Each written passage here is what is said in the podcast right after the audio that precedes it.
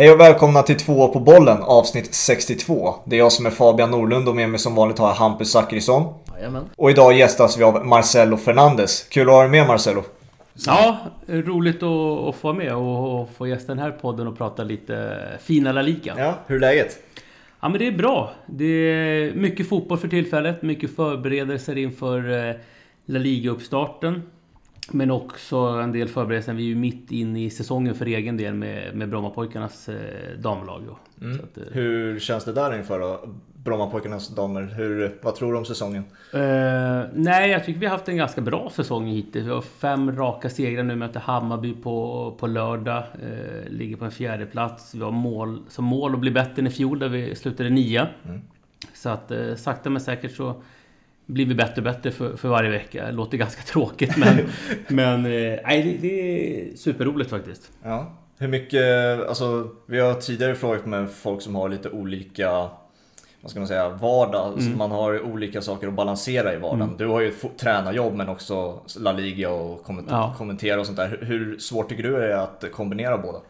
Eh, nej, det, det känns ganska lugnt. Eh, eh, jag har ju haft, eller har också ett civilt arbete som, som tar upp en, en, en del. Liksom. Men när det gäller fotbollsbiten så tycker jag att det, det är en bra uppdelning just med kommenteringen av eh, La Liga och sen eh, BP's damlag som, som också tar sin beskärda del med... eh, Det är inte bara träning, att man går där och ställer sig och ska bedriva en träning. Nej. Utan det är mycket liksom analyser av motståndare, av det egna spelet, spelarsamtal och så vidare. Så att det, det är en del arbete i det också. Men eh, fotboll är kul. Mm, det är det. Och vi ska snacka om eh, La Liga-fotbollen då som kommer den säsongen. Eh, 2021 är vi nu som den som kommer. Eh, och helt enkelt kan vi börja med frågan vad förväntar du dig och vad ser du mest fram emot av den kommande La Liga-säsongen? Eh, att transferfönstret ska stänga. Det, det, är Vilket det datum är det? Ja, det är i början, tror jag 5 oktober om jag inte har helt eh, fel som, som det stänger. Eh, vilket gör att vi kommer komma in några omgångar in där, där truppen inte är helt satta. Men också att se den... Vad landar liksom hela den här kalabaliken som både Valencia befinner sig i. Eh, med Peter Lim som, eh, som ägare och där man egentligen reat ut eh, sina stjärnspelare. Men också vad händer med Leo Messi? Alltså, vad, vad, det är ett stort frågetecken. Nu läste jag här precis nyss att eh, Jorge Messis, Leo Messis pappa, precis har kommit till, eh, till Barcelona. Så att eh, någonting lär väl ske närmsta dagarna.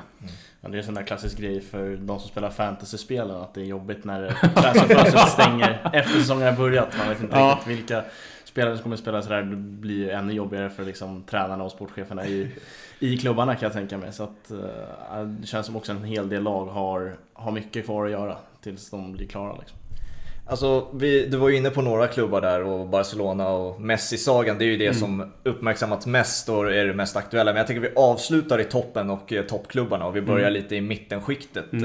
Eh, och många klubbar där är ju lite så, för många som inte följer La Liga, kanske lite ingetsägande. Vad- Vilket, mitt, vilken mittenlag för dig är det som sticker ut mest enligt dig? Eh, ja, i alla fall under den här sommaren så tycker jag att eh, Villarreal är väl ett lag som man ska hålla ett litet extra öga på. För de som har följt La Liga har ett historiskt perspektiv som kanske jag har i det hela. Så kommer man ju ihåg dem från början på, på millennieskiftet när en av mina favoritspelare huserade i den gula ubåten eh, Juan Román Riquelme. Men det är bra många år sedan. Alltså, eh, vi pratar alltså någonstans runt 2003, 2004, 5, 6, alltså där. Eh, nu har de ett jättespännande lag. Igen, bland annat fått in eh, japanen Kuo från eh, Real Madrid som var utlånad till Mallorca förra säsongen. De har Chukwese som är kvar, nigerianen. Eh, Gerard Moreno. De har fått in Dani Parejo. Så att det är ett väldigt eh, kompetent fotbollslag som de håller på, på bygger. Har ju en ägare som eh, är hur rik som helst. Och eh, äger, har man varit i Spanien så har man säkert varit inne på Mercadona. Alltså ungefär, lite ungefär som ICA här i Sverige. Eh, han är ju, är ju ägare av dem och han eh, pumpar in en del pengar i, i VR. En väldigt välskött klubb. Så det, det är en klubb som jag tycker man ska hålla ett litet extra öga på. Eh, Real Sociedad givetvis en, eh, en annan med Alexander Isak i spetsen och David Silva som man har tagit in nu inför den här säsongen som Martin Ödegårds ersättare. Och sen Eh, Alexander Isak förresten eh, som, som morsar på lite under, under sommaren här och, och pratar väldigt bra spanska ska tilläggas. eh, och sen har jag lite sådana här två andra klubbar som eh, om vi pratar så här mitten, mittenskiktet och den ena tänker jag där jag får lite egna relationer till är ju Real Betis. Mer för att de har, nu har också en chilensk tränare. Immanuel Pellegrini som gör comeback i, i La Liga. Tidigt tränat via Real, eh, Real Madrid men även Malaga. Ehm, så de tycker jag ska bli väldigt spännande att se. Och sen lilla, lilla Elche.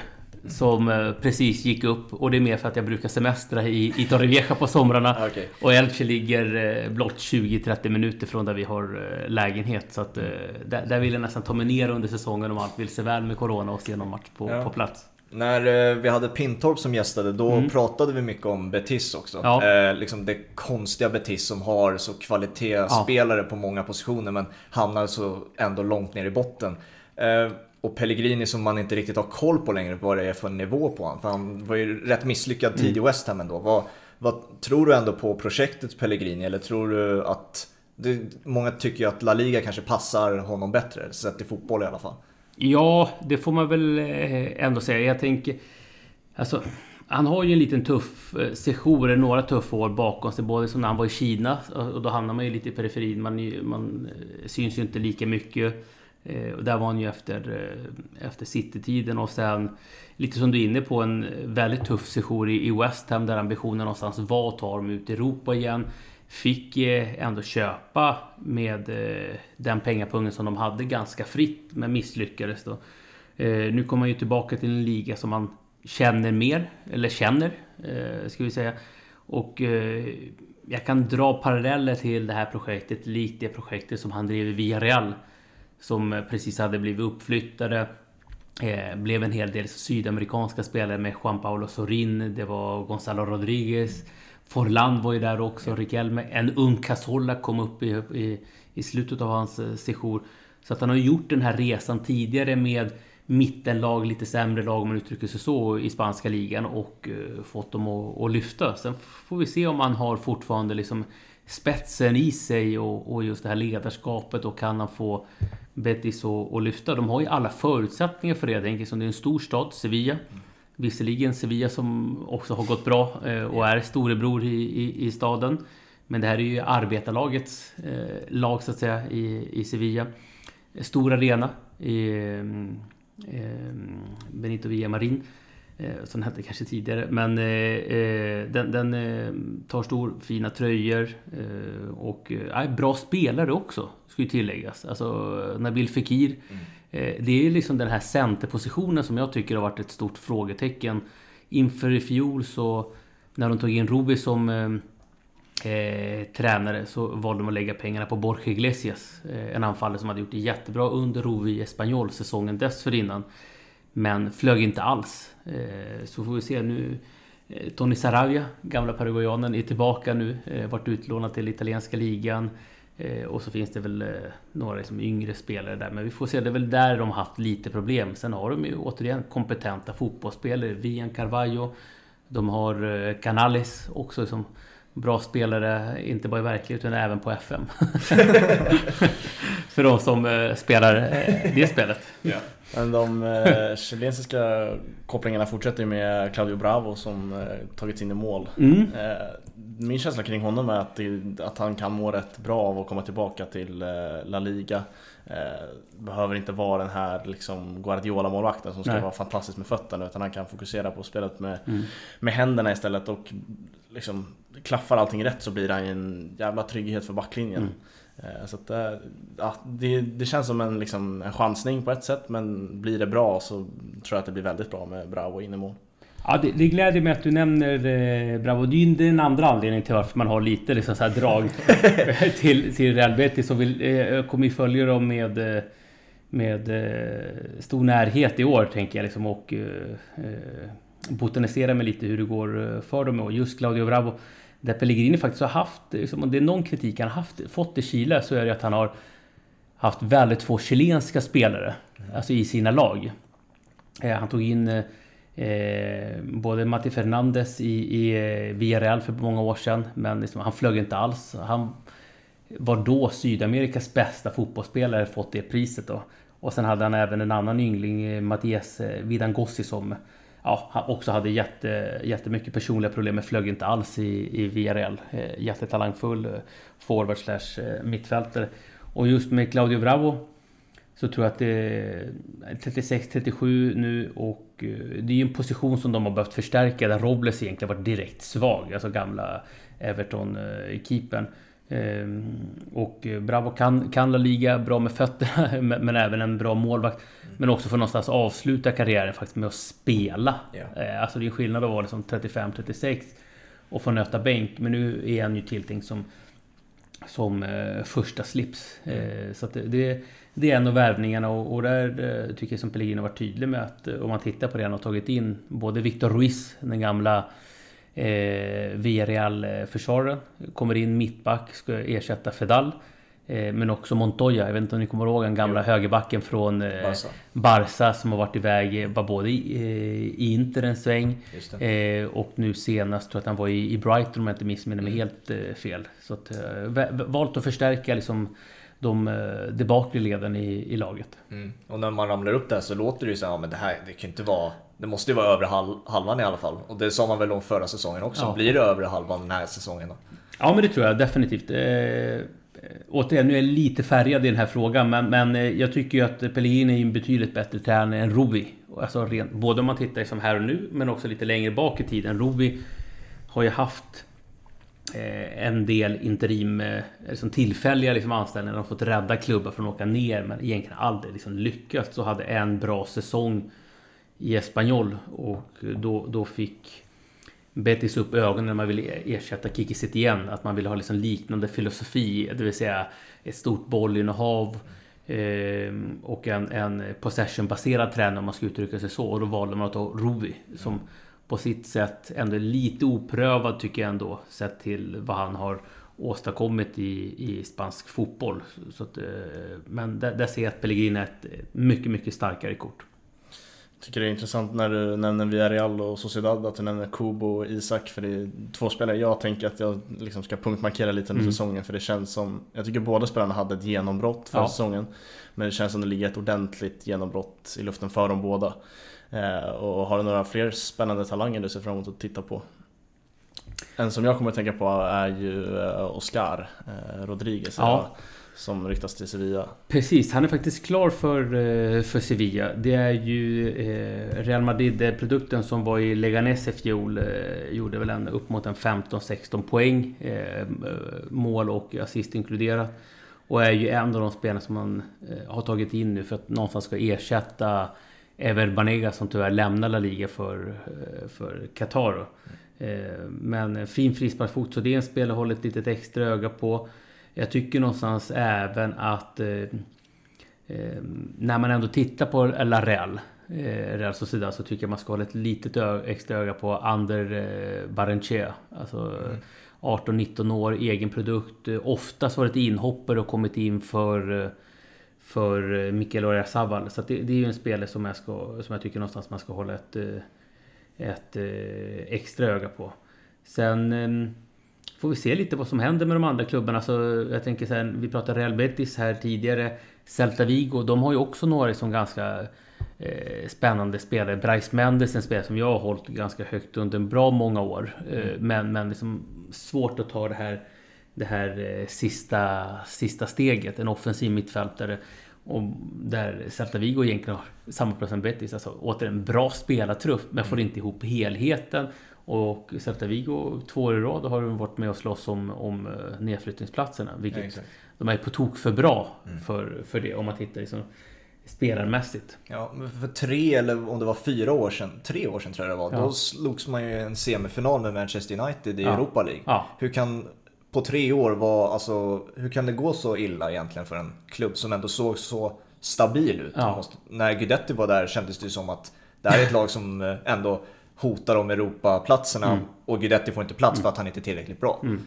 Nej men det ena är väl så kontinuiteten på, på tränarbänken. Jag tycker som Bet, eh, Betis, eh, Celta Vigo har haft problem egentligen sen sen eh, Berizzo lämnade, mm. Eh, argentinaren, eh, och inte haft en kontinuitet på, på tränarbänken alls. Och, och liksom, för varje gång du tar in en tränare så är det sin filosofi. Mm. Men någonstans, vad står klubben för? Vad är vår identitet? Och liksom att den tränaren ska passa in i vårt sätt att uh, spela fotboll. Så här vill vi bedriva den. Mm. Uh, och uh, det tycker jag som, det har de ju haft ett, ett problem. Och sen har de inte haft återigen tillräckligt skickliga tränare som har fått ihop helheten för att spelare de, har de ju haft. Alltså mm. de har bra spelare nu också. De har haft Rafinha, de har haft Dennis Suarez. och i synnerhet i fjol när de gjorde en liten så här, satsning på att få hem sina egna spelare, galiciska spelare. Alltså Santemina som de plockade in från eh, Valencia, Denis Suarez som de plockade in från Barcelona. Alltså det är ju sina spelare. Ja. Men... Eh, eh får vi se, nu, nu får ju Oscar eh, Garcia här, den gamla innermittfältaren eller forwarden från, från Barcelona, han och, och brorsan Roger där. Eh, har ju fått förlängt avtal i, i Salta Vigo och får lite längre tid att jobba med laget. Får vi se om de kan eh, lyfta, lyfta sig nu. Mm. Du nämnde ju en, en annan värvning som Villarreal tog in Parejo, då, mm. det tar vi oss till Valencia. Liksom. Mm. Det är ju kaos där rakt igenom känns ja. det som. Men alltså hur kan man lämna, alltså, tillåta en sån spelare lämna som har varit i klubben i vad nio år mm, tror jag mm. Nio säsonger Och han fick ingen, han fick inte ens en anledning var det va? Varför han lämnade. Han, han berättade ju det mm. i en intervju att mm. han, han vill ju få svar på varför Valencia släpper mm. honom men han fick inget svar på det. Nej, de upplevde väl att det var, var läge för det och här är ju liksom en maktkamp känner jag någonstans mellan spelargruppen och eh, högsta, högsta ledningen Peter Lim och hans eh, entourage. Eh, det, det är en sorg när man ser Valencia tycker jag. Alltså, jag har ju följt La Liga i så pass många år att jag kommer ihåg liksom Valencia om man tittar rent storleksmässigt och liksom den potentialen, kapaciteten de har, både som stad men också som, som lag så är det ett lag som ska vara med och slåss med Barcelona, eh, Real Madrid, Atletico Madrid. Alltså Valencia var ju liksom den tydliga liksom, tredje, fjärde klubben. Det är de inte på, på samma sätt eh, nu, det tycker jag inte. Eh, jag tänker tillbaka liksom när, de, när de var stabila, när de hade Hector Cooper som tränare, Ranieri kom in, eh, Rafa Benitez, gamla Liverpool-tränaren, eh, även Newcastle. Eh, liksom och vann ligan med dem. Och så, det, det var ju som en stormakt. De var ju Champions League-final eh, två år på, eller vid två olika tillfällen, även om de förlorade eh, finalen. Liksom. Så det, är ju, det, är, det är sorgligt att se hur, hur det har gått så pass illa med den här och i synnerhet att de rear ut spelarna. Mm. Alltså Parejo är en, Coquelin är en annan. Eh, och sen har du ju eh, Rodrigo som gick till, som gick till Leeds, alltså för 30 mil. Förra året var ju både Atletico Madrid och Barcelona ute efter honom och ville punga upp 60 mil mm. euros. Och nu säljer de för hälften. Liksom detta, jag får, jag får inte huvudet. Ja. Alltså, det, är, det är en jätte i Spanien som du är inne på. Ja. Liksom, den är inte alls skräckenjagande idag. Inte alls. Jag tror inte många kollar liksom, Valencia spelschemat och känner att liksom, fan shit det här, det här blir tufft. Utan man känner då hellre, nu ska vi åka till Mestalla och plocka, plocka poäng än tre. Mm. Liksom. Och två tunga tappar är Rodrigo och Parejo. Mm. Alltså, de lämnas ju inte kvar med speciellt slagkraftig trupp heller. Eh, det är kaos i högsta unsen och truppen blir bara svagare för varje mm. dag som går.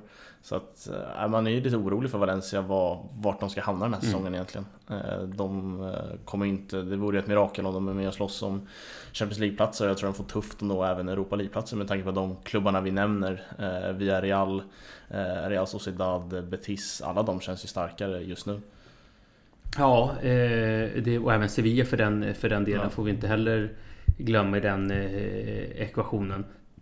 Eh, vad ska man säga mer? Jag tänker som om Valencia. De tappar ju också och där var det lite schism mellan, mellan honom och då tänker jag på Ferran Torres som gick till, till City också för en väldigt billig peng satt på ett sista årsavtal och skulle gå ut nästa år. De var tvungna att, att sälja honom för att få in pengar för honom. Då. Eh, gick också var från 25 eller 30 miljoner euro. Också sånt där, lite pengar.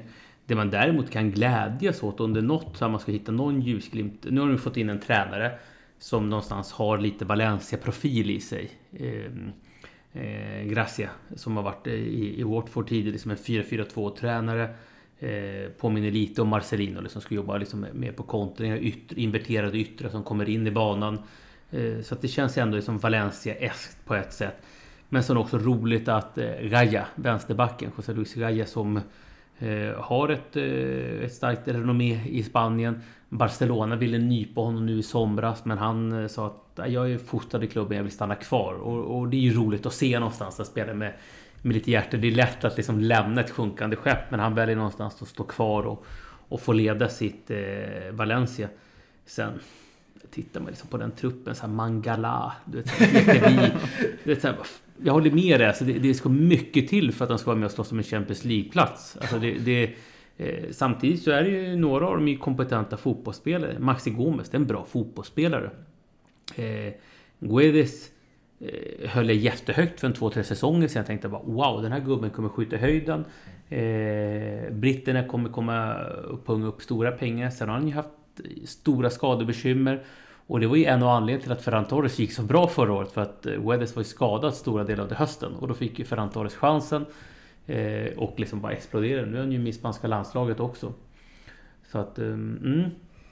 Får se lite vad som, eh, vad som händer där helt enkelt. Jag tänker också med Ferran Torres som går till Manchester City. Ja. Jag tänker den generella svenska supporten följer ju mer Premier League än La Liga. Mm. Och vad, liksom, vad är det för spelare som kommer till Manchester City? Det, alltså för mig, jag ser honom som en ytter. Men mm. det känns liksom som en, som en spelartyp som skulle passa bättre typ på ett centralt mittfält.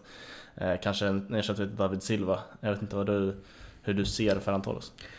Jag, jag, jag, ser väl Ferran Torres, eh, håller kanske inte riktigt med, med det där utan jag ser väl mer eh, Ferran Torres som en eh, renodlad ytter faktiskt. Jag vet inte om, om du kanske tänker på Carlos Soler i sådana fall. Men, men Ferran Torres som en renodlad ytter och Guardiola om man tittar liksom på hans sätt hur han vill spela så har han ju alltid haft eh, fin kaviar om man ska uttrycka så på kanterna. kan man säga. Eh, alltså då har han ju haft Leo Messi, Villa, Pedro i Barcelona, Alexis också som yttrar. Mm.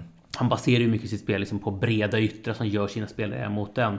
I Bayern München hade han ju Robben och Ribéry. Mm. Alltså, det är också bra kaviar. Ja. Eh, i, I City har han haft det men inte på samma nivå. Nu får han ju ytterligare en spelare som faktiskt kan göra sin gubbe. Han Sterling, Mares, kanske Messi så småningom. Ja, vi, får vi får se. Men Ferran Torres definitivt en sån som kan faktiskt eh, utmana sin spelare och gå förbi sin, sin ytterback eller sin försvarare.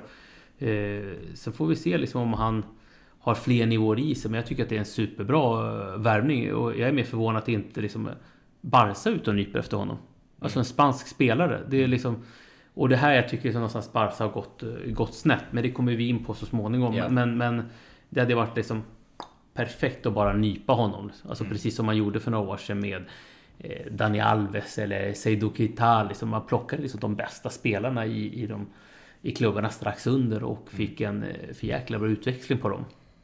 Ja, vi kan ju röra oss mot uh, toppen. Uh, mm. Och det, alltså det, vi, både jag och Hampus har varit inne på det, att det känns ju som att det kan vara en säsong där det blir jämnare än någonsin i mm. toppen. Mm. Just kanske eftersom att giganterna inte är så fantastiskt mm. bra som de har varit tidigare. Uh, vem håller du som favorit just nu? Är det fortfarande Real Madrid eller? Ja, jag håller nog Real Madrid och Barcelona fortfarande som, eh, som favorit att vinna ligan. Eh, det kommer de alltid vara.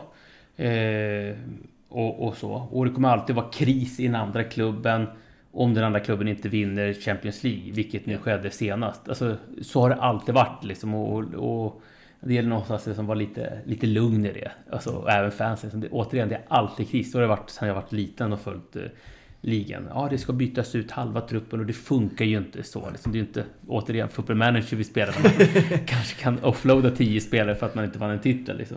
Utan det är människor man har jobbat med och man får vara lite mer eh, cool i, i, i det hela. Eh, men, men nog håller jag liksom Real Madrid som, som favoriter. Inte bara att de, de får även in... Eh, nu kommer de inte liksom göra några liksom ordentliga värvningar. Alltså i och med att det är som med, med Covid-19 och arenabygget då som de håller på med.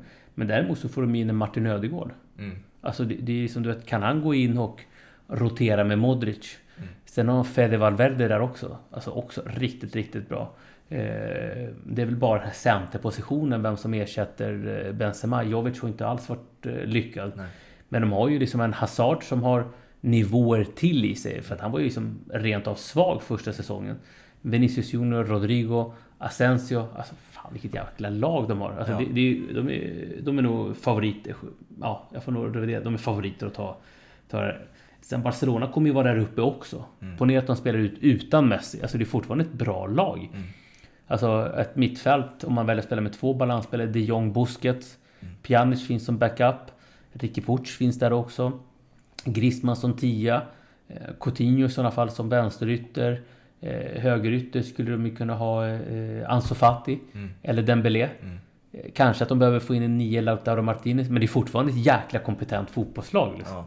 Alltså, du, om vi tar Real Madrid först ja. av de två då. Eh, som du är inne på, en, alltså ett intressant bygge som man inte har riktigt sett tidigare, mm. i alla fall i Real Madrid. Att mm. man satsar på de här otroligt unga talangerna, mm. för många från Brasilien. Mm.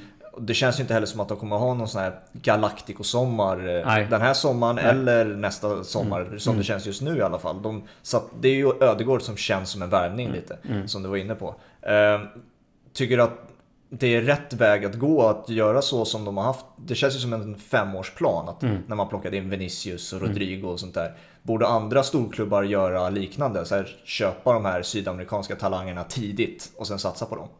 Eh, det är definitivt en väg att, att gå. Jag tror fortfarande att eh, de här eh, generationsväxlingarna i trupperna, där ligger Real Madrid längre fram.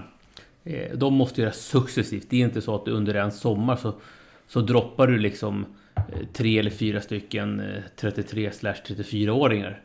Det, det, funkar inte utan du har ju liksom två fönster per år och det gäller ju återigen successivt byta ut dem samtidigt som du tar in yngre spelare och eh, låter dem spela samtidigt som de själva faktiskt tar chansen. För det är någonting som man brukar eh, eh missta tycker jag. Liksom att man ska ge unga spelare chansen. Nej, de unga spelarna måste ta chansen. Alltså det är snarare, man får nog vända på det. Ehm, och där har de ju gjort, eh, gjort eh, bra, tycker jag. Som Real Madrid, de, de förstärkte med, med Mendy på vänsterbacken inför i fjol för att eh, stärka upp för Marcelo. Eh, målvaktspositionen känns ändå stabil. Högerbacken känns eh, stabil. Eh, och Real Madrid, de är smarta. De lånar ut några av sina talanger. Oscar Rodriguez var en. Eh, Hakimi valde de ju ha i, i Dortmund i två år kände att han inte kommer färga. Okej, okay, skicka honom, gör pengar på honom. Mm. Säljer honom till, till Inter. Eh, Kovo ute på lån nu igen. Asensio var ute på lån för några säsonger sedan i Espanyol. Eh, så jag tycker det är en väldigt, ett väldigt hälsosamt eh, trupp, truppbygge liksom, där man redan har liksom en ersättare för Modric inne i Federico Valverde. Du har en ersättare också i Martin Ödegård som kan gå in i den positionen. Så att, nej, det, det, jag ser att de är ruggigt eh, starka och eh, eh ja, de har bra spelare, två bra spelare praktiskt taget på varje position. Mm. Ja, jag tror också när vi väl kommer in i säsongen när Real Madrid börjar spela matcher så kommer man Alltså det kommer kännas som flera spelare är mm. nyförvärv. Mm. Hazard är en av dem. Mm. Han känns otroligt liksom, revanschsugen och det jag läst mig till och det man har sett. Mm. Eh, men även typ så Vinicius Junior och Rodrigo mm. eh, som har sina grejer att utveckla. Mm. Liksom, de kommer ju bli bättre om de spelar i mm. Real Madrid. Liksom. Och sen Federico Valverde en av mina favoritspelare. Mm, liksom blir nästan irriterad att han inte får starta även om jag förstår att det är Kroos och Modric framför. Så jag tycker att han är otroligt bra. Hoppas att han eh, ja, men verkligen får tar chansen och mm. börjar starta mer och mer för att han, eh, han är otroligt bra Valverde. Eh. Rykten säger att du påminner lite om honom i spelstilen. Stämmer det? Nej, nej, det var mer uh, Charlie Adam. Charlie Adam. nej, jag skojar. Uh, ja, det där var svårt att gå ifrån, men det, Charlie Adam va? Jag måste bara flika in ett spelare till där. Ja. Uh, liksom, och de som du nämner, det är ju faktiskt uh, Marcos Asensio. Som mm. var korsbandsskadad och drog korsbandet vid den här tidpunkten. Om jag inte missminner mig inför förra säsongen. Just det. Eh, och fick ju, i och med covid-19 att säsongen liksom förlängdes, mm. så gjorde han ju eh, gjorde ju mål i sitt liksom, första inhopp efter skadan. Så att han har ju också i praktiskt taget missat inom citationstecken en säsong. Så det är också mm. som ett, eh, ett nyförvärv. Och det är ju, det är ju en av de, en av de eh, alltså, väldigt högt ansedda spelarna i, i Spanien. Mm. Och sen är det faktiskt av alla de här som är spelare som vi inte pratar om. Isco. Just det. Det är liksom bara...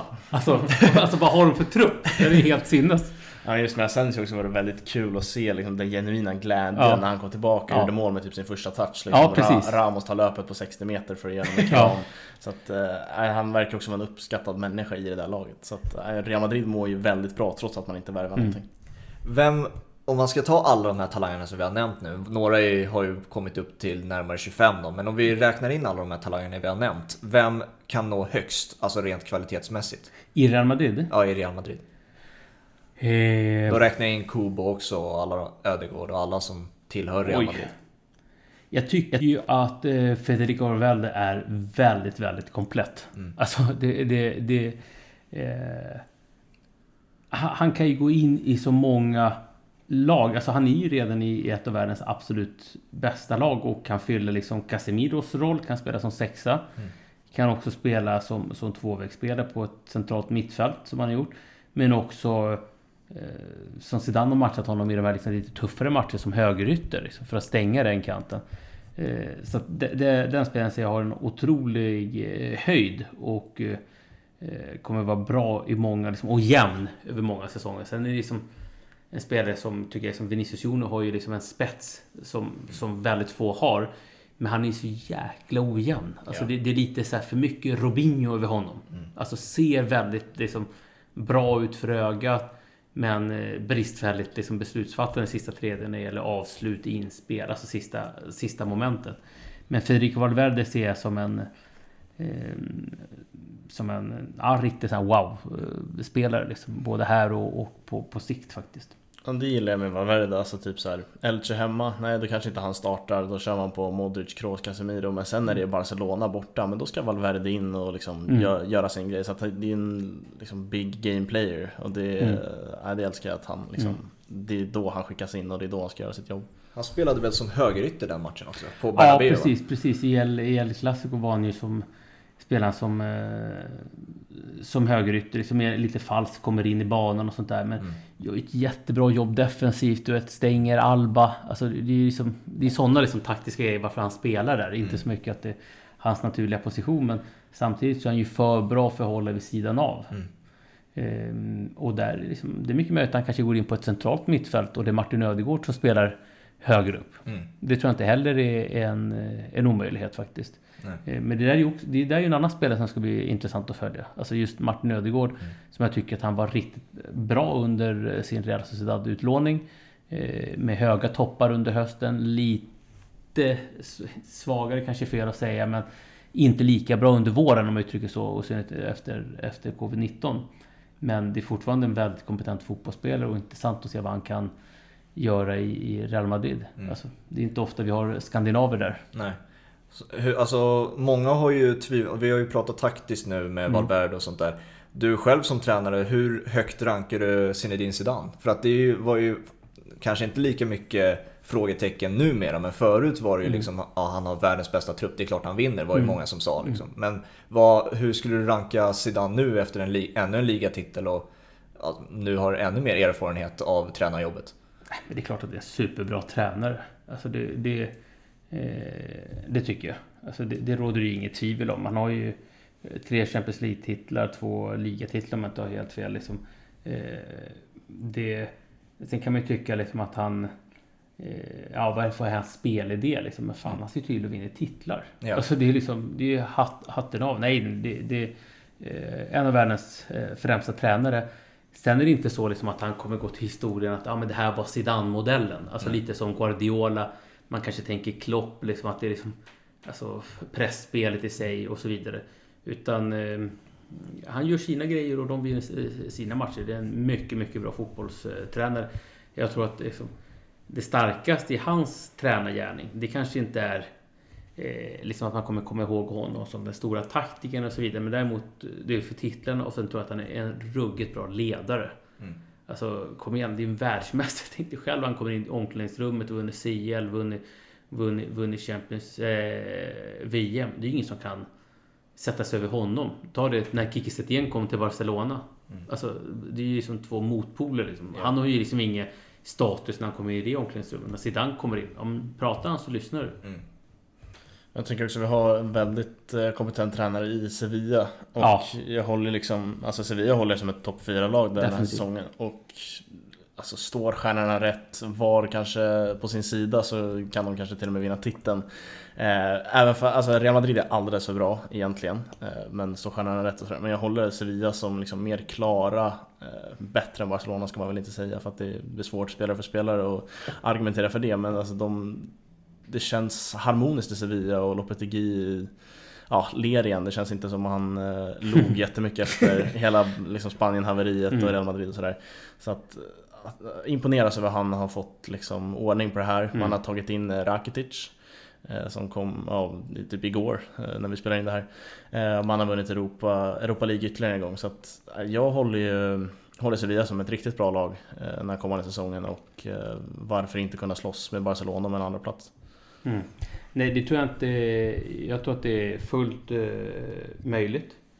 Eh, får vi se liksom hur, hur långt det går. De, har, eh, alltså just, de tappar ju Banega. Eh, som har varit under många år och varit den här Monchi-spelaren liksom som, som... Han hade en kort sejour i Inter, sen kom han ju tillbaka. Eh, och eh, i, i spanskt pratar man Factor Banega. Alltså att det är en eh, största utmaningen som Monchi har nu. Mm. Och nu har han ju som tagit in två spelare för att ersätta honom. Rakitic och eh, Oscar Rodriguez. Mm. Eh, sen finns det ju några frågetecken kvar i truppen som han måste lösa tycker jag. Liksom innan man, eh, det är klart att han kommer vara där uppe och jag tror att de eh, kommer vara med och slåss om Champions League-platsen. Men om man ska ta ytterligare steg så är det hur ersätter man Reguilon? Som tillsammans med Navas var kanske bästa ytterbacksparet. Mm. Reguilon som var inlånad från eh, Real Madrid. Kan man köpa loss honom eller har hans värde gått så pass högt upp att han är attraktiv för andra klubbar? Mm. De brittiska klubbarna och då kan man inte tävla. Nej. Pratar med att han kanske ska plocka in Marcos Acuna, argentinaren från eh, Sporting Lisbon. Eh, Lisbon. Mm. Eh, så det, det, är, det är den positionen som de måste lösa. Mittbackspar tycker jag liksom är, är bra. Gio Carlos och Jules Koundé. Koundé fantastisk. Eh, Jesus Navas kommer fortsätta att vara bra. Mm. Det är väl bara att du måste ha backup på de positionerna. Eh, mittfältet ser jag väl inga problem.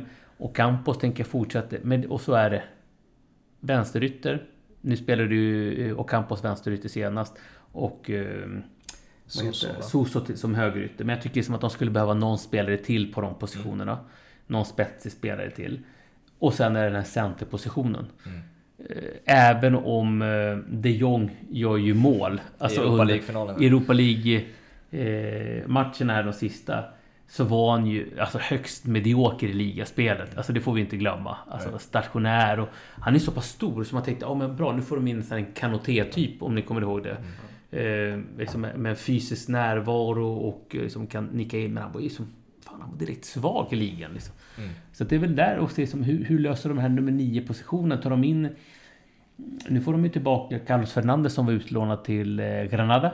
Eh, gjorde en 10-12 mål för nykomlingen och var en bidragande orsak till att Granada tog sista Europa League-platsen. Ja. Eh, ger de honom en chans eller behöver de spetsa till den, den positionen ytterligare med en tydlig etta? Mm. Och då är frågan Coronatider, vad finns det för spelare där ute? Vad finns det för pengar? Och om det är något Monchi är bra på så är det ju att skanna av marknaden och få, få in de här lite billigare spelarna. Ja. Eh, men, men eh, det är liksom de positioner jag ser. Vänsterback, en ytter och en central forward. Jag tycker liksom nu med Rakitic inne så, så är han tillbaka hemma om man ska uttrycka Hans fru är ju från Sevilla. Det är därför man säger att han kommer hem igen och att han mm. träffade sin nuvarande fru i, i Sevilla när han var där eh, för några år sedan, då innan han gick till Barcelona. Så att det... Ja, sex år senare så är han tillbaka i, i, i Sevilla. Så det, det, det, är fint. Men eh, jag tror definitivt att de kommer vara där uppe och, och slåss. Mm. Eh, sen om man eh, träffar rätt med värvningarna så kan de vara med. Jag tyckte som den här säsongen var lite för prematurt. Jag tyckte som redan Real Madrid och Barcelona var svaga den här säsongen. Ja. Men projekten i Sevilla och Atletico Madrid var också för gröna. Alltså det var första säsongen som Diego Simeone ja. tog sitt 2.0, alltså sin nya satsning. Sevilla med Monchi tillbaka och en ny tränare. Alltså, det var för tidigt för dem för att kunna liksom utmana på riktigt. Nu får de en andra säsong. De stora drakarna, Barcelona och Real Madrid, fortfarande ganska svaga. Inte än de har varit förut. Real Madrid lite starkare givetvis då än Barcelona för tillfället. Men jag ser också eh, att Atletico Madrid och Sevilla är skulle kunna vara bättre än vad de var i, i fjol och på så sätt ligga närmre de två lagen där uppe. Det är ju intressant att du lägger upp det så att det är två projekt på, som fortfarande håller Ja. på. Vem, vem har kommit längst då av Atletico Madrid och Sevilla? Vem känns mest klara enligt dig? Oj, För det kanske är avgörande vilken som tar andra eller tredje positionen. jag vet inte. Liksom, fan, och svårt att jämföra dem så här emot. Liksom. Alltså, Diego Simeone har ju varit där eh, alltså länge. Åtta år om inte mer. Liksom, och, och liksom, nu har han en ny ryggrad. Det han behöver... Det beror på lite hur fönstret ser ut. För de, även de behöver ju förstärka. Alltså de behöver få in en, en, en center, alltså en forward. Eh, tycker jag. Eh, som gör mer mål. Eh, och kanske får mer utväxling och, av eh, Joao Felix tycker jag. Eh, jag tycker som matchen, de ger bort matchen tycker jag mot Leipzig. Alltså de börjar spela när de ligger under. Eh, alltså att, och det går liksom inte att försvara till sig titlar på samma sätt längre. Och där måste Diego Simone våga släppa lite mer på, på tyglarna. Eh, och liksom de behöver få bort de här liksom 0-0 matcherna eller 1-1 matcherna på hemmaplan mot Eibar, Granada, alltså sådana här gäng. Där ska det bara vara tre poäng och de ska vara med och slåss hela, hela vägen. Eh, så att spe, sen om man tittar återigen på Sevilla, inte så här filosofiskt och liksom spelidémässigt så tycker jag att de ligger väldigt långt. För de vill ju liksom anfalla hela tiden. Atletico Madrid är ju lite mer återhållsamma. Det är riskminimering, vi kontrar, alltså det är lite mer det spelet. Medan Sevilla tycker jag liksom mer kanske jagar liksom att göra mål på ett helt annat sätt. Ja. Eh, och har, tycker jag, liksom i alla fall under stora delar av säsongen med Ocampos och eh, eh, Navas var liksom en av Europas, som inte kanske Europas bästa högerkant. Liksom. Det tycker jag liksom var fenomenal. Så att eh, vi får se lite vad, vad sportcheferna Andrea Berta i, i Atletico Madrid och eh, Monchi hittar på här kommande veckor för att eh, förstärka sina trupper men också offloada lite dö- dödkött. På tal om offloada då. Mm. Då tar vi Barcelona då. vi är framme. Precis, vi är framme. Innan Messi-sagan då, eh, så måste vi spola tillbaka till eh, Bayern München-matchen. Mm. Eh, inför den matchen, vad tänkte du om... Det, jag tror både jag och Hampus hade tippat att Bayern München skulle Mm. vinna matchen, men inte på det sättet. Hur såg du på den matchen inför? Mm, lite som ni. Ja. Alltså att, att Bayern München såg jag som ett starkare lag. Eh, Jag såg inte det liksom över en eh, 8-2 match. Då ville jag inte ens tänka på det. Det hade blivit dubbelmöte. Exakt. Det är liksom, eh, då kanske visserligen inte hade blivit 8-2 liksom i, en, i, en, i, en, i, en första match å andra sidan. Liksom. Men... Eh, eh, de blev ju totalt... Alltså det, är det är ju en förnedring deluxe. Ja. Om, om Barcelona-fansen tyckte att det var jobbigt med Anfield och, och, och Roma. Så var det här något helt eh, annat. För några år sedan pratade jag om, om, om debaclet också mot, eh, mot Bayern München och eh, Jupp Heynckes. Eh, men det här, var ju, det här är ju... Det får inte sluta så här. Det här är ju paritet med liksom Brasiliens debacle mot, eh, mot Tyskland. Mm. Eh, VM, vad blir det? 2014 va? Ja. Så att, ja det är mycket som står fel till i Barcelona för, för tillfället. Jag tycker också liksom allt någonstans pikade när Coutinho kommer in och gör Ja. ett plus ett eller två mål till och med kanske. Ja, två plus ett gjorde han. Ja, Eh, där kändes liksom, det var droppen någonstans att nu, nu är det fullständig kris här när deras spelare går in och avgör och ja, det är väl också snack om att Coutinho hade någon klausul där som var spelarbunden så Barcelona fick betala 5 miljoner euro till Liverpool på grund av att Coutinho gick in. Så att så här, det var den, ja, hela den affären och liksom hur, hur den faller ut i den här matchen eh, framförallt liksom var ju någon, sort, någon sorts droppen och eh, väldigt ja, komiskt om man inte bryr sig om Barcelona speciellt mycket att Coutinho går in och gör två Mm. mål. Så att, äh, otroligt märklig. men det säger ju också en del liksom just i den finalen när eh, Neymar lämnar Barcelona eh, för x antal miljoner liksom, eller miljarder så får ju Barcelona panik. Liksom. Alltså, Mm. Vi måste ju ersätta honom. Ja. Man tar in Dembélé. Mm. Alltså, jag, jag är ingen liksom Dembélé-gubbe. Liksom. Det, det, jag tycker han är alltså, ruggigt ojämn. Liksom. Mm. Och sen ett halvår senare tar man in eh, Coutinho. Och sen eh, några månader senare så offloadar man Coutinho och så tar man in eh, Griezmann. Ja. Liksom, och och eh, ingen av dem startar i finalen. Liksom. Alltså det, det är spelare liksom för 3 miljarder som sitter på, på bänken. Och ett i andra laget. Ja, precis, precis. Och en av dina spelare precis i det andra, i det andra laget. Så att där, där har ju Barcelona haft jättestora... De har ju, alltså det är lite som så här eh, Michael Jordans Chicago Bulls liksom. Alltså The Last Dance, den dokumentären. Liksom. Ja, men när ska du börja liksom kapa spelarna liksom? Eh, Nu fortsätter de att leverera Chicago Bulls. Då har ju inte de här riktigt gjort nu och nu liksom... är- Det här kanske, den här renoveringen skulle man ju gjort för några år sedan. Återigen, det är svårt under en sommar att helt klippa liksom 4-5 spelare som är plus 30.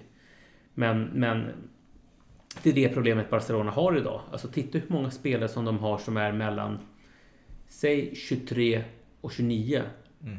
som är eh, under epitetet så här, världsklass. Mm. Ter Stegen. Mm. Eh, de Jong, men kanske inte världsklass än, men är på väg upp. Sen är resten Jordi Alba plus 30, Piqué plus 30, eh, Busquets plus 30, Suarez plus 30, Vidal plus 30, Messi plus 30, Mm. Rakitic 7 spelare. Alltså jag kan fortsätta med några till. Ja. Och liksom, alltså ska du byta ut sju spelare under en sommar? Nej, det kanske skulle göra som, ja men Rakitic sälja honom förra sommaren, Vidal nu, alltså de har ju inte börjat än och nu väljer man till och med att ta in en 30-åring för att jag orkar ju inte liksom. Jag får så ont i huvudet. Det är precis tvärt emot vad man hade gjort på, på F5. Man hade Ja. fan inte värvat en 30 plus gubbe. Det Nej, men, och de då säljer liksom Artur till, Artur till, Ja, till, till, Jag Men då är det inte, liksom visserligen med några pengar emellan sådär, men, men för att få som klina böcker. Men skicka iväg honom 23-24 till Juventus och tar in Pjanic 30 liksom. Jag orkar inte. Men också de här spelarna som kommer underifrån. Alltså Fati och Ja. Push är ju riktigt bra. Men är de redo för att spela 38 matcher Champions League på det och vara Mm. världsklass, alltså, världsklass Mm. i varenda match, Mm. vilket liksom många har varit i Barcelona. Mm. Nej, det är de inte. Nej. Eh, så då går det inte heller att släppa alla 30 plus och tro att Ricky Push och grabbarna ska lösa det. Eh, match, liksom, match till match, ja, absolut. Men de behöver ju också de här äldre Mm. spelarna som förebilder och att de får matchas in i det där. Så att, Mm. eh, det är ett väldigt obalanserat lagbygge just nu. Mm. Ja, definitivt. Och du, du nämner ju två spelare. Ricky Puch tycker jag är som en spelare som måste få mycket mer eh, tid kommande säsong. För det, där, där har Barcelona någonting. Där har de, tycker jag, eh, Iniestas ersättare. Alltså det finns ingen spelare i Barcelonas trupp under säsongen som gick som kunde transportera boll, bryta linje genom att liksom dribbla förbi en eller två spelare från ett centralt mittfält. Eh, tittar man på de mittfältare som de har haft så är alla väldigt bollskickliga. Så de är bra på att passa bollen runt varandra men det är ingen som tar mark. Alltså Nej. kan bryta en linje eh, med passningar eller driva förbi. Och det, det kunde han. Eller det kan han. Han har ju det här Barcelona-DNA. Eh, så han hoppas jag ju få, få, få en större roll i Barcelona. Och även Ansu, Ansu Fati. Men jag håller med dig. Alltså det är ju inte som gubbar som kommer stå där med eh, 50 till 60 matcher under, under bältet under en säsong och, och liksom leda det här Barcelona. Det är andra spelare som måste göra det. Mm. Och de här är liksom spelare som ligger lite under och, och, och eh, ska givetvis leverera också. Men det är andra spelare som måste, som måste dra. Alltså hur ser, du är ju själv som sagt tränare. Hur ser du på det här, det Koman gör nu? Att han kommer in och i princip river upp hela truppen och, och kastar iväg eh, många äldre Mm. spelare. Det, liksom, det känns ju ändå, ändå som en rätt fel approach ändå om du vill liksom få ihop ett, Mm. ett lag eh, som precis torskat mot Mm. Bayern München med 8-2. Om du, du kastar iväg Suarez Mm. typ på andra arbetsdagen liksom. Mm. Du gör ju inte Messi nöjdare eh, om du gör så. Liksom. Hur ser du själv att attackera din egen trupp på det sättet? Jag tror att i det här fallet, i det här specifika fallet så tror jag liksom att han att han har det uppdraget från högre ort. Mm. eh, Från Bartomeu. Jag tror inte att det bara... Utan han har fått det uppdraget. Du måste in och rensa Okej. nu liksom. Eh, Sen vet vi får vi se lite vad som händer. Eh, Suarez spekuleras ju till Juventus. Mm. Hade varit perfekt i Atletico de Madrid. Tycker jag. Liksom. Alltså lite Mm. som när de tog in David Villa Mm. för några år sedan. Liksom, I slutet av karriären. Eh, Men eh, det, ja, jag jag tror att det är liksom, återigen från, från högre ort. Och, och där har Barcelona bekymmer. Alltså de, eh, han kommer inte bli omvald. Nej. Bartomeu. Nej. Utan det är ju det är ett presidentval som måste, måste till och det kan ske först enligt stadgarna då 15 eh, mars. Mm. För då är det liksom x antal månader tills det här mandatperioden går ut. Och då är det då Viktor Font eller eller Joao Laporta som, som eh, kommer kandidera om den här platsen troligtvis.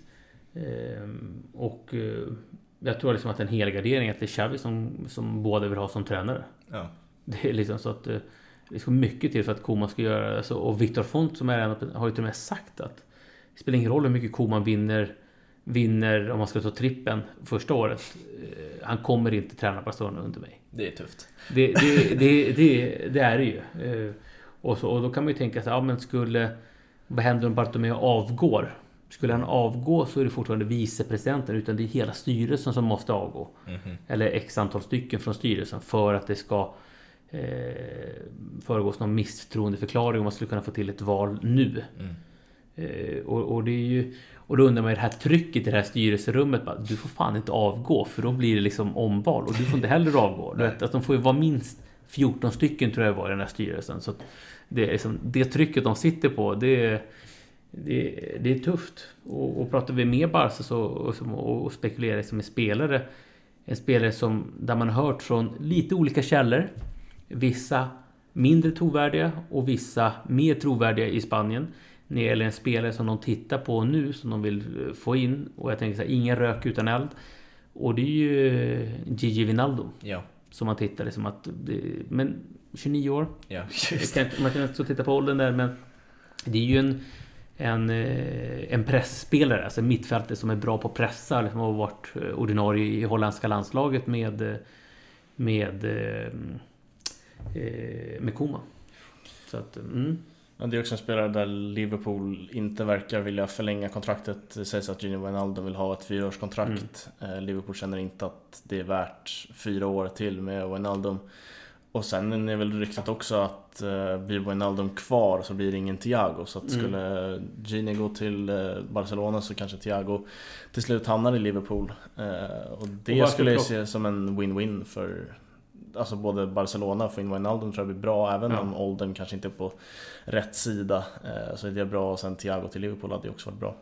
Men borde inte Barca plocka in eh, Thiago? Ta? Jo, absolut. Alltså, det, Jo, tack. det är ju liksom så här... bara, pff, Ja, De kanske sket i att titta i fina- på finalen för de var så deppiga. ja exakt. Han var inte tillräckligt bra. Nej.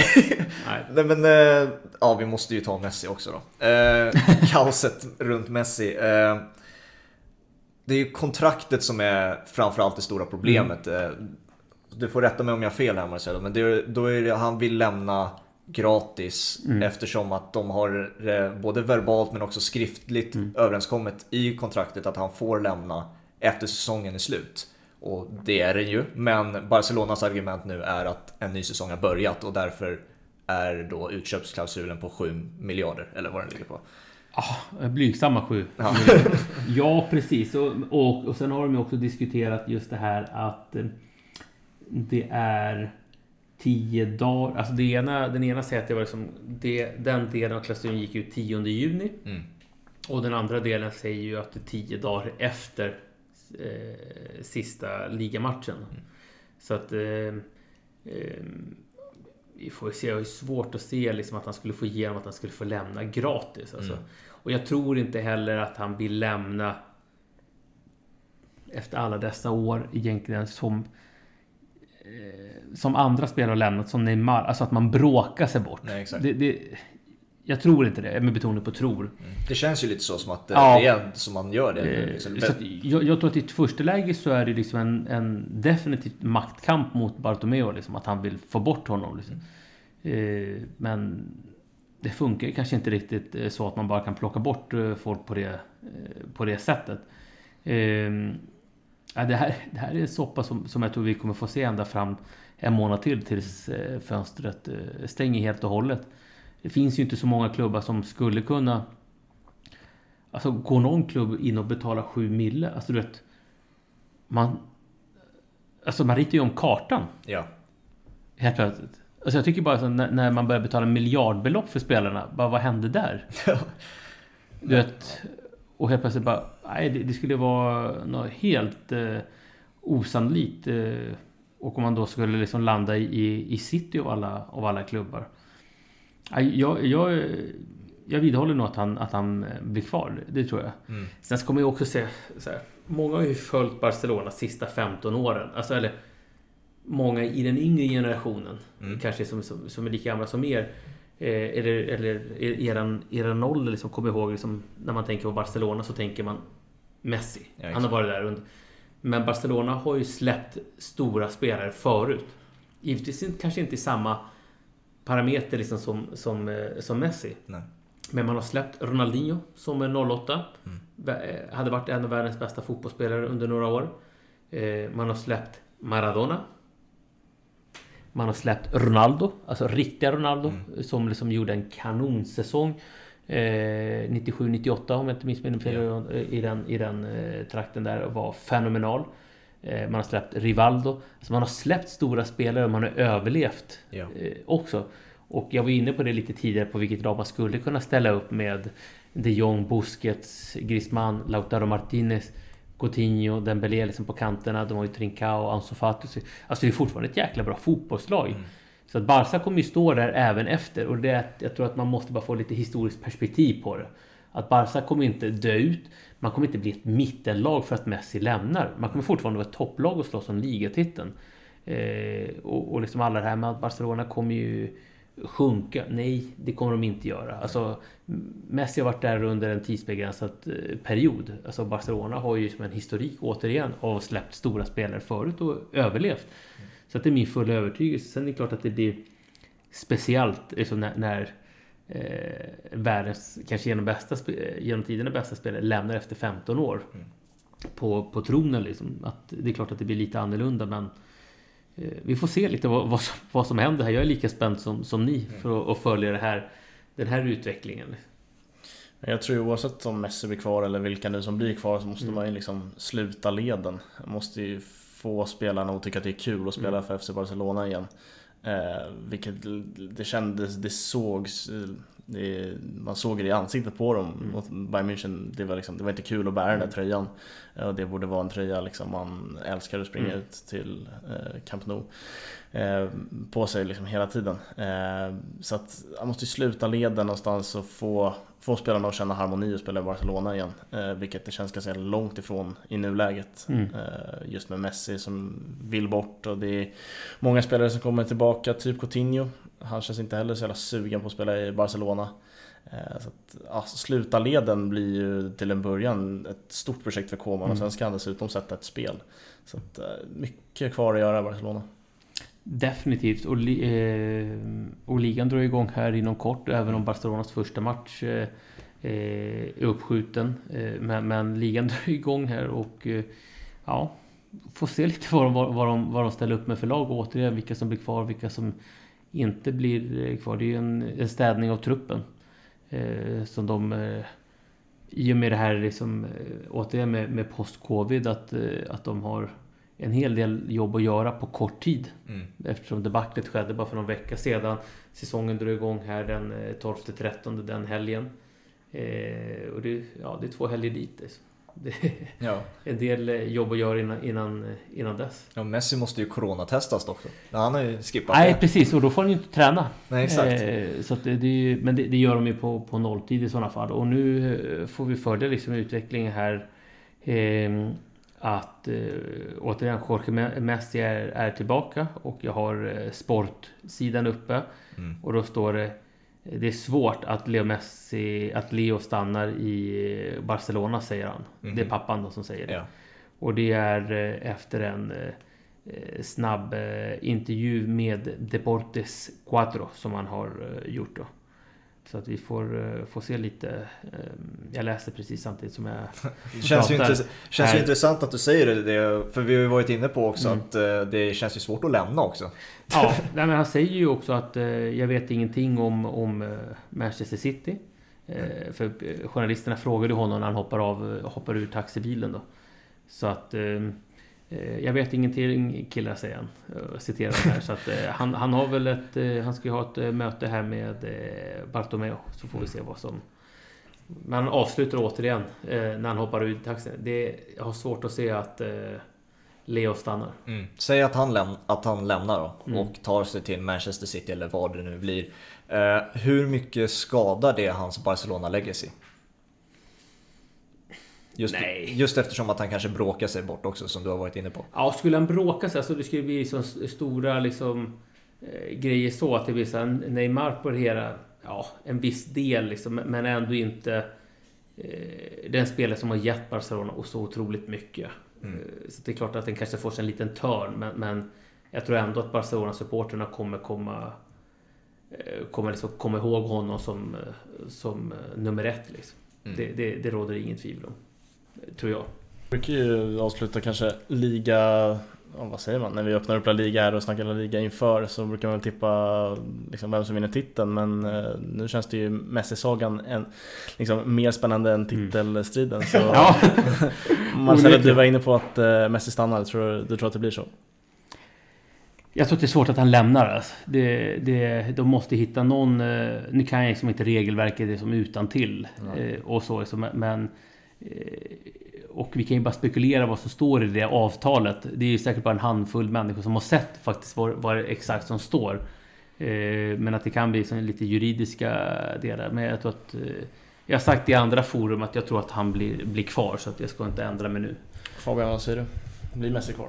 Ja, Messi blir kvar. Jag trodde inte en, eh, Jag trodde på det när det var alltså att det var rykten om att han skulle Mm. gå gratis där. Men så fort La Liga stämplade där att nej, det ska vara 7 miljarder eller, eller så stannar han, då, då, då blir han kvar liksom. Mm. En missnöjd Messi, men han blir kvar. Ja. Ja, nej jag vet inte fan. Det känns också som liksom otroligt. Det finns ju egentligen bara typ två lag som kan ta honom och det är Manchester City och eh, PSG. Ja. Men ingen, ingen av dem kan ju ta honom för 7 miljarder. Det kan, det kan jag inte se hända. Eh, så att, nej, han blir väl kvar och eh, alltså, någonstans ser jag också att han liksom han hittar någon harmoni och liksom flyger igen. Det hade inte förvånat mig alls. Det känns ju också som om om det blir så att 7 miljarder betalas, då känns det som att Uefa och Financial Fair Play är där och knackar på dörren rätt snabbt. Ja, City, City har ju redan eh, åkt dit på det, men och, och så betalar de eh, sina böter och så, och så är de igång igen. Eh, men ja, ja, alltså hur sjukt. Samtidigt så här, tänk dig så här PSG, alltså Messi, Neymar, Mbappé. Ja. Alltså, det vore- alltså, och, och det är samma sak så här. Om man spekulerar, jag tror också att han blir kvar. Men också bara, ser ni Juventus? Hur läcker skulle inte det vara tillsammans med Ronaldo? Ja. Eller att han går till City och så får man se Ronaldo i United. Alltså liksom så här bara, ja men en sista fight. Alltså, Ja, det hade varit det är så läckert alltså.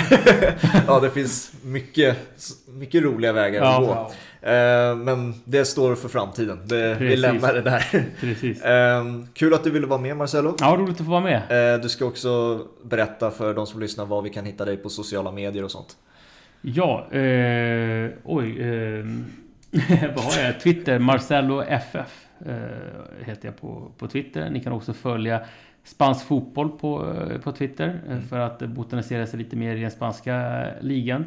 Eh, annars så finns jag väl på eh, Instagram och Facebook också för, för den delen. Mm.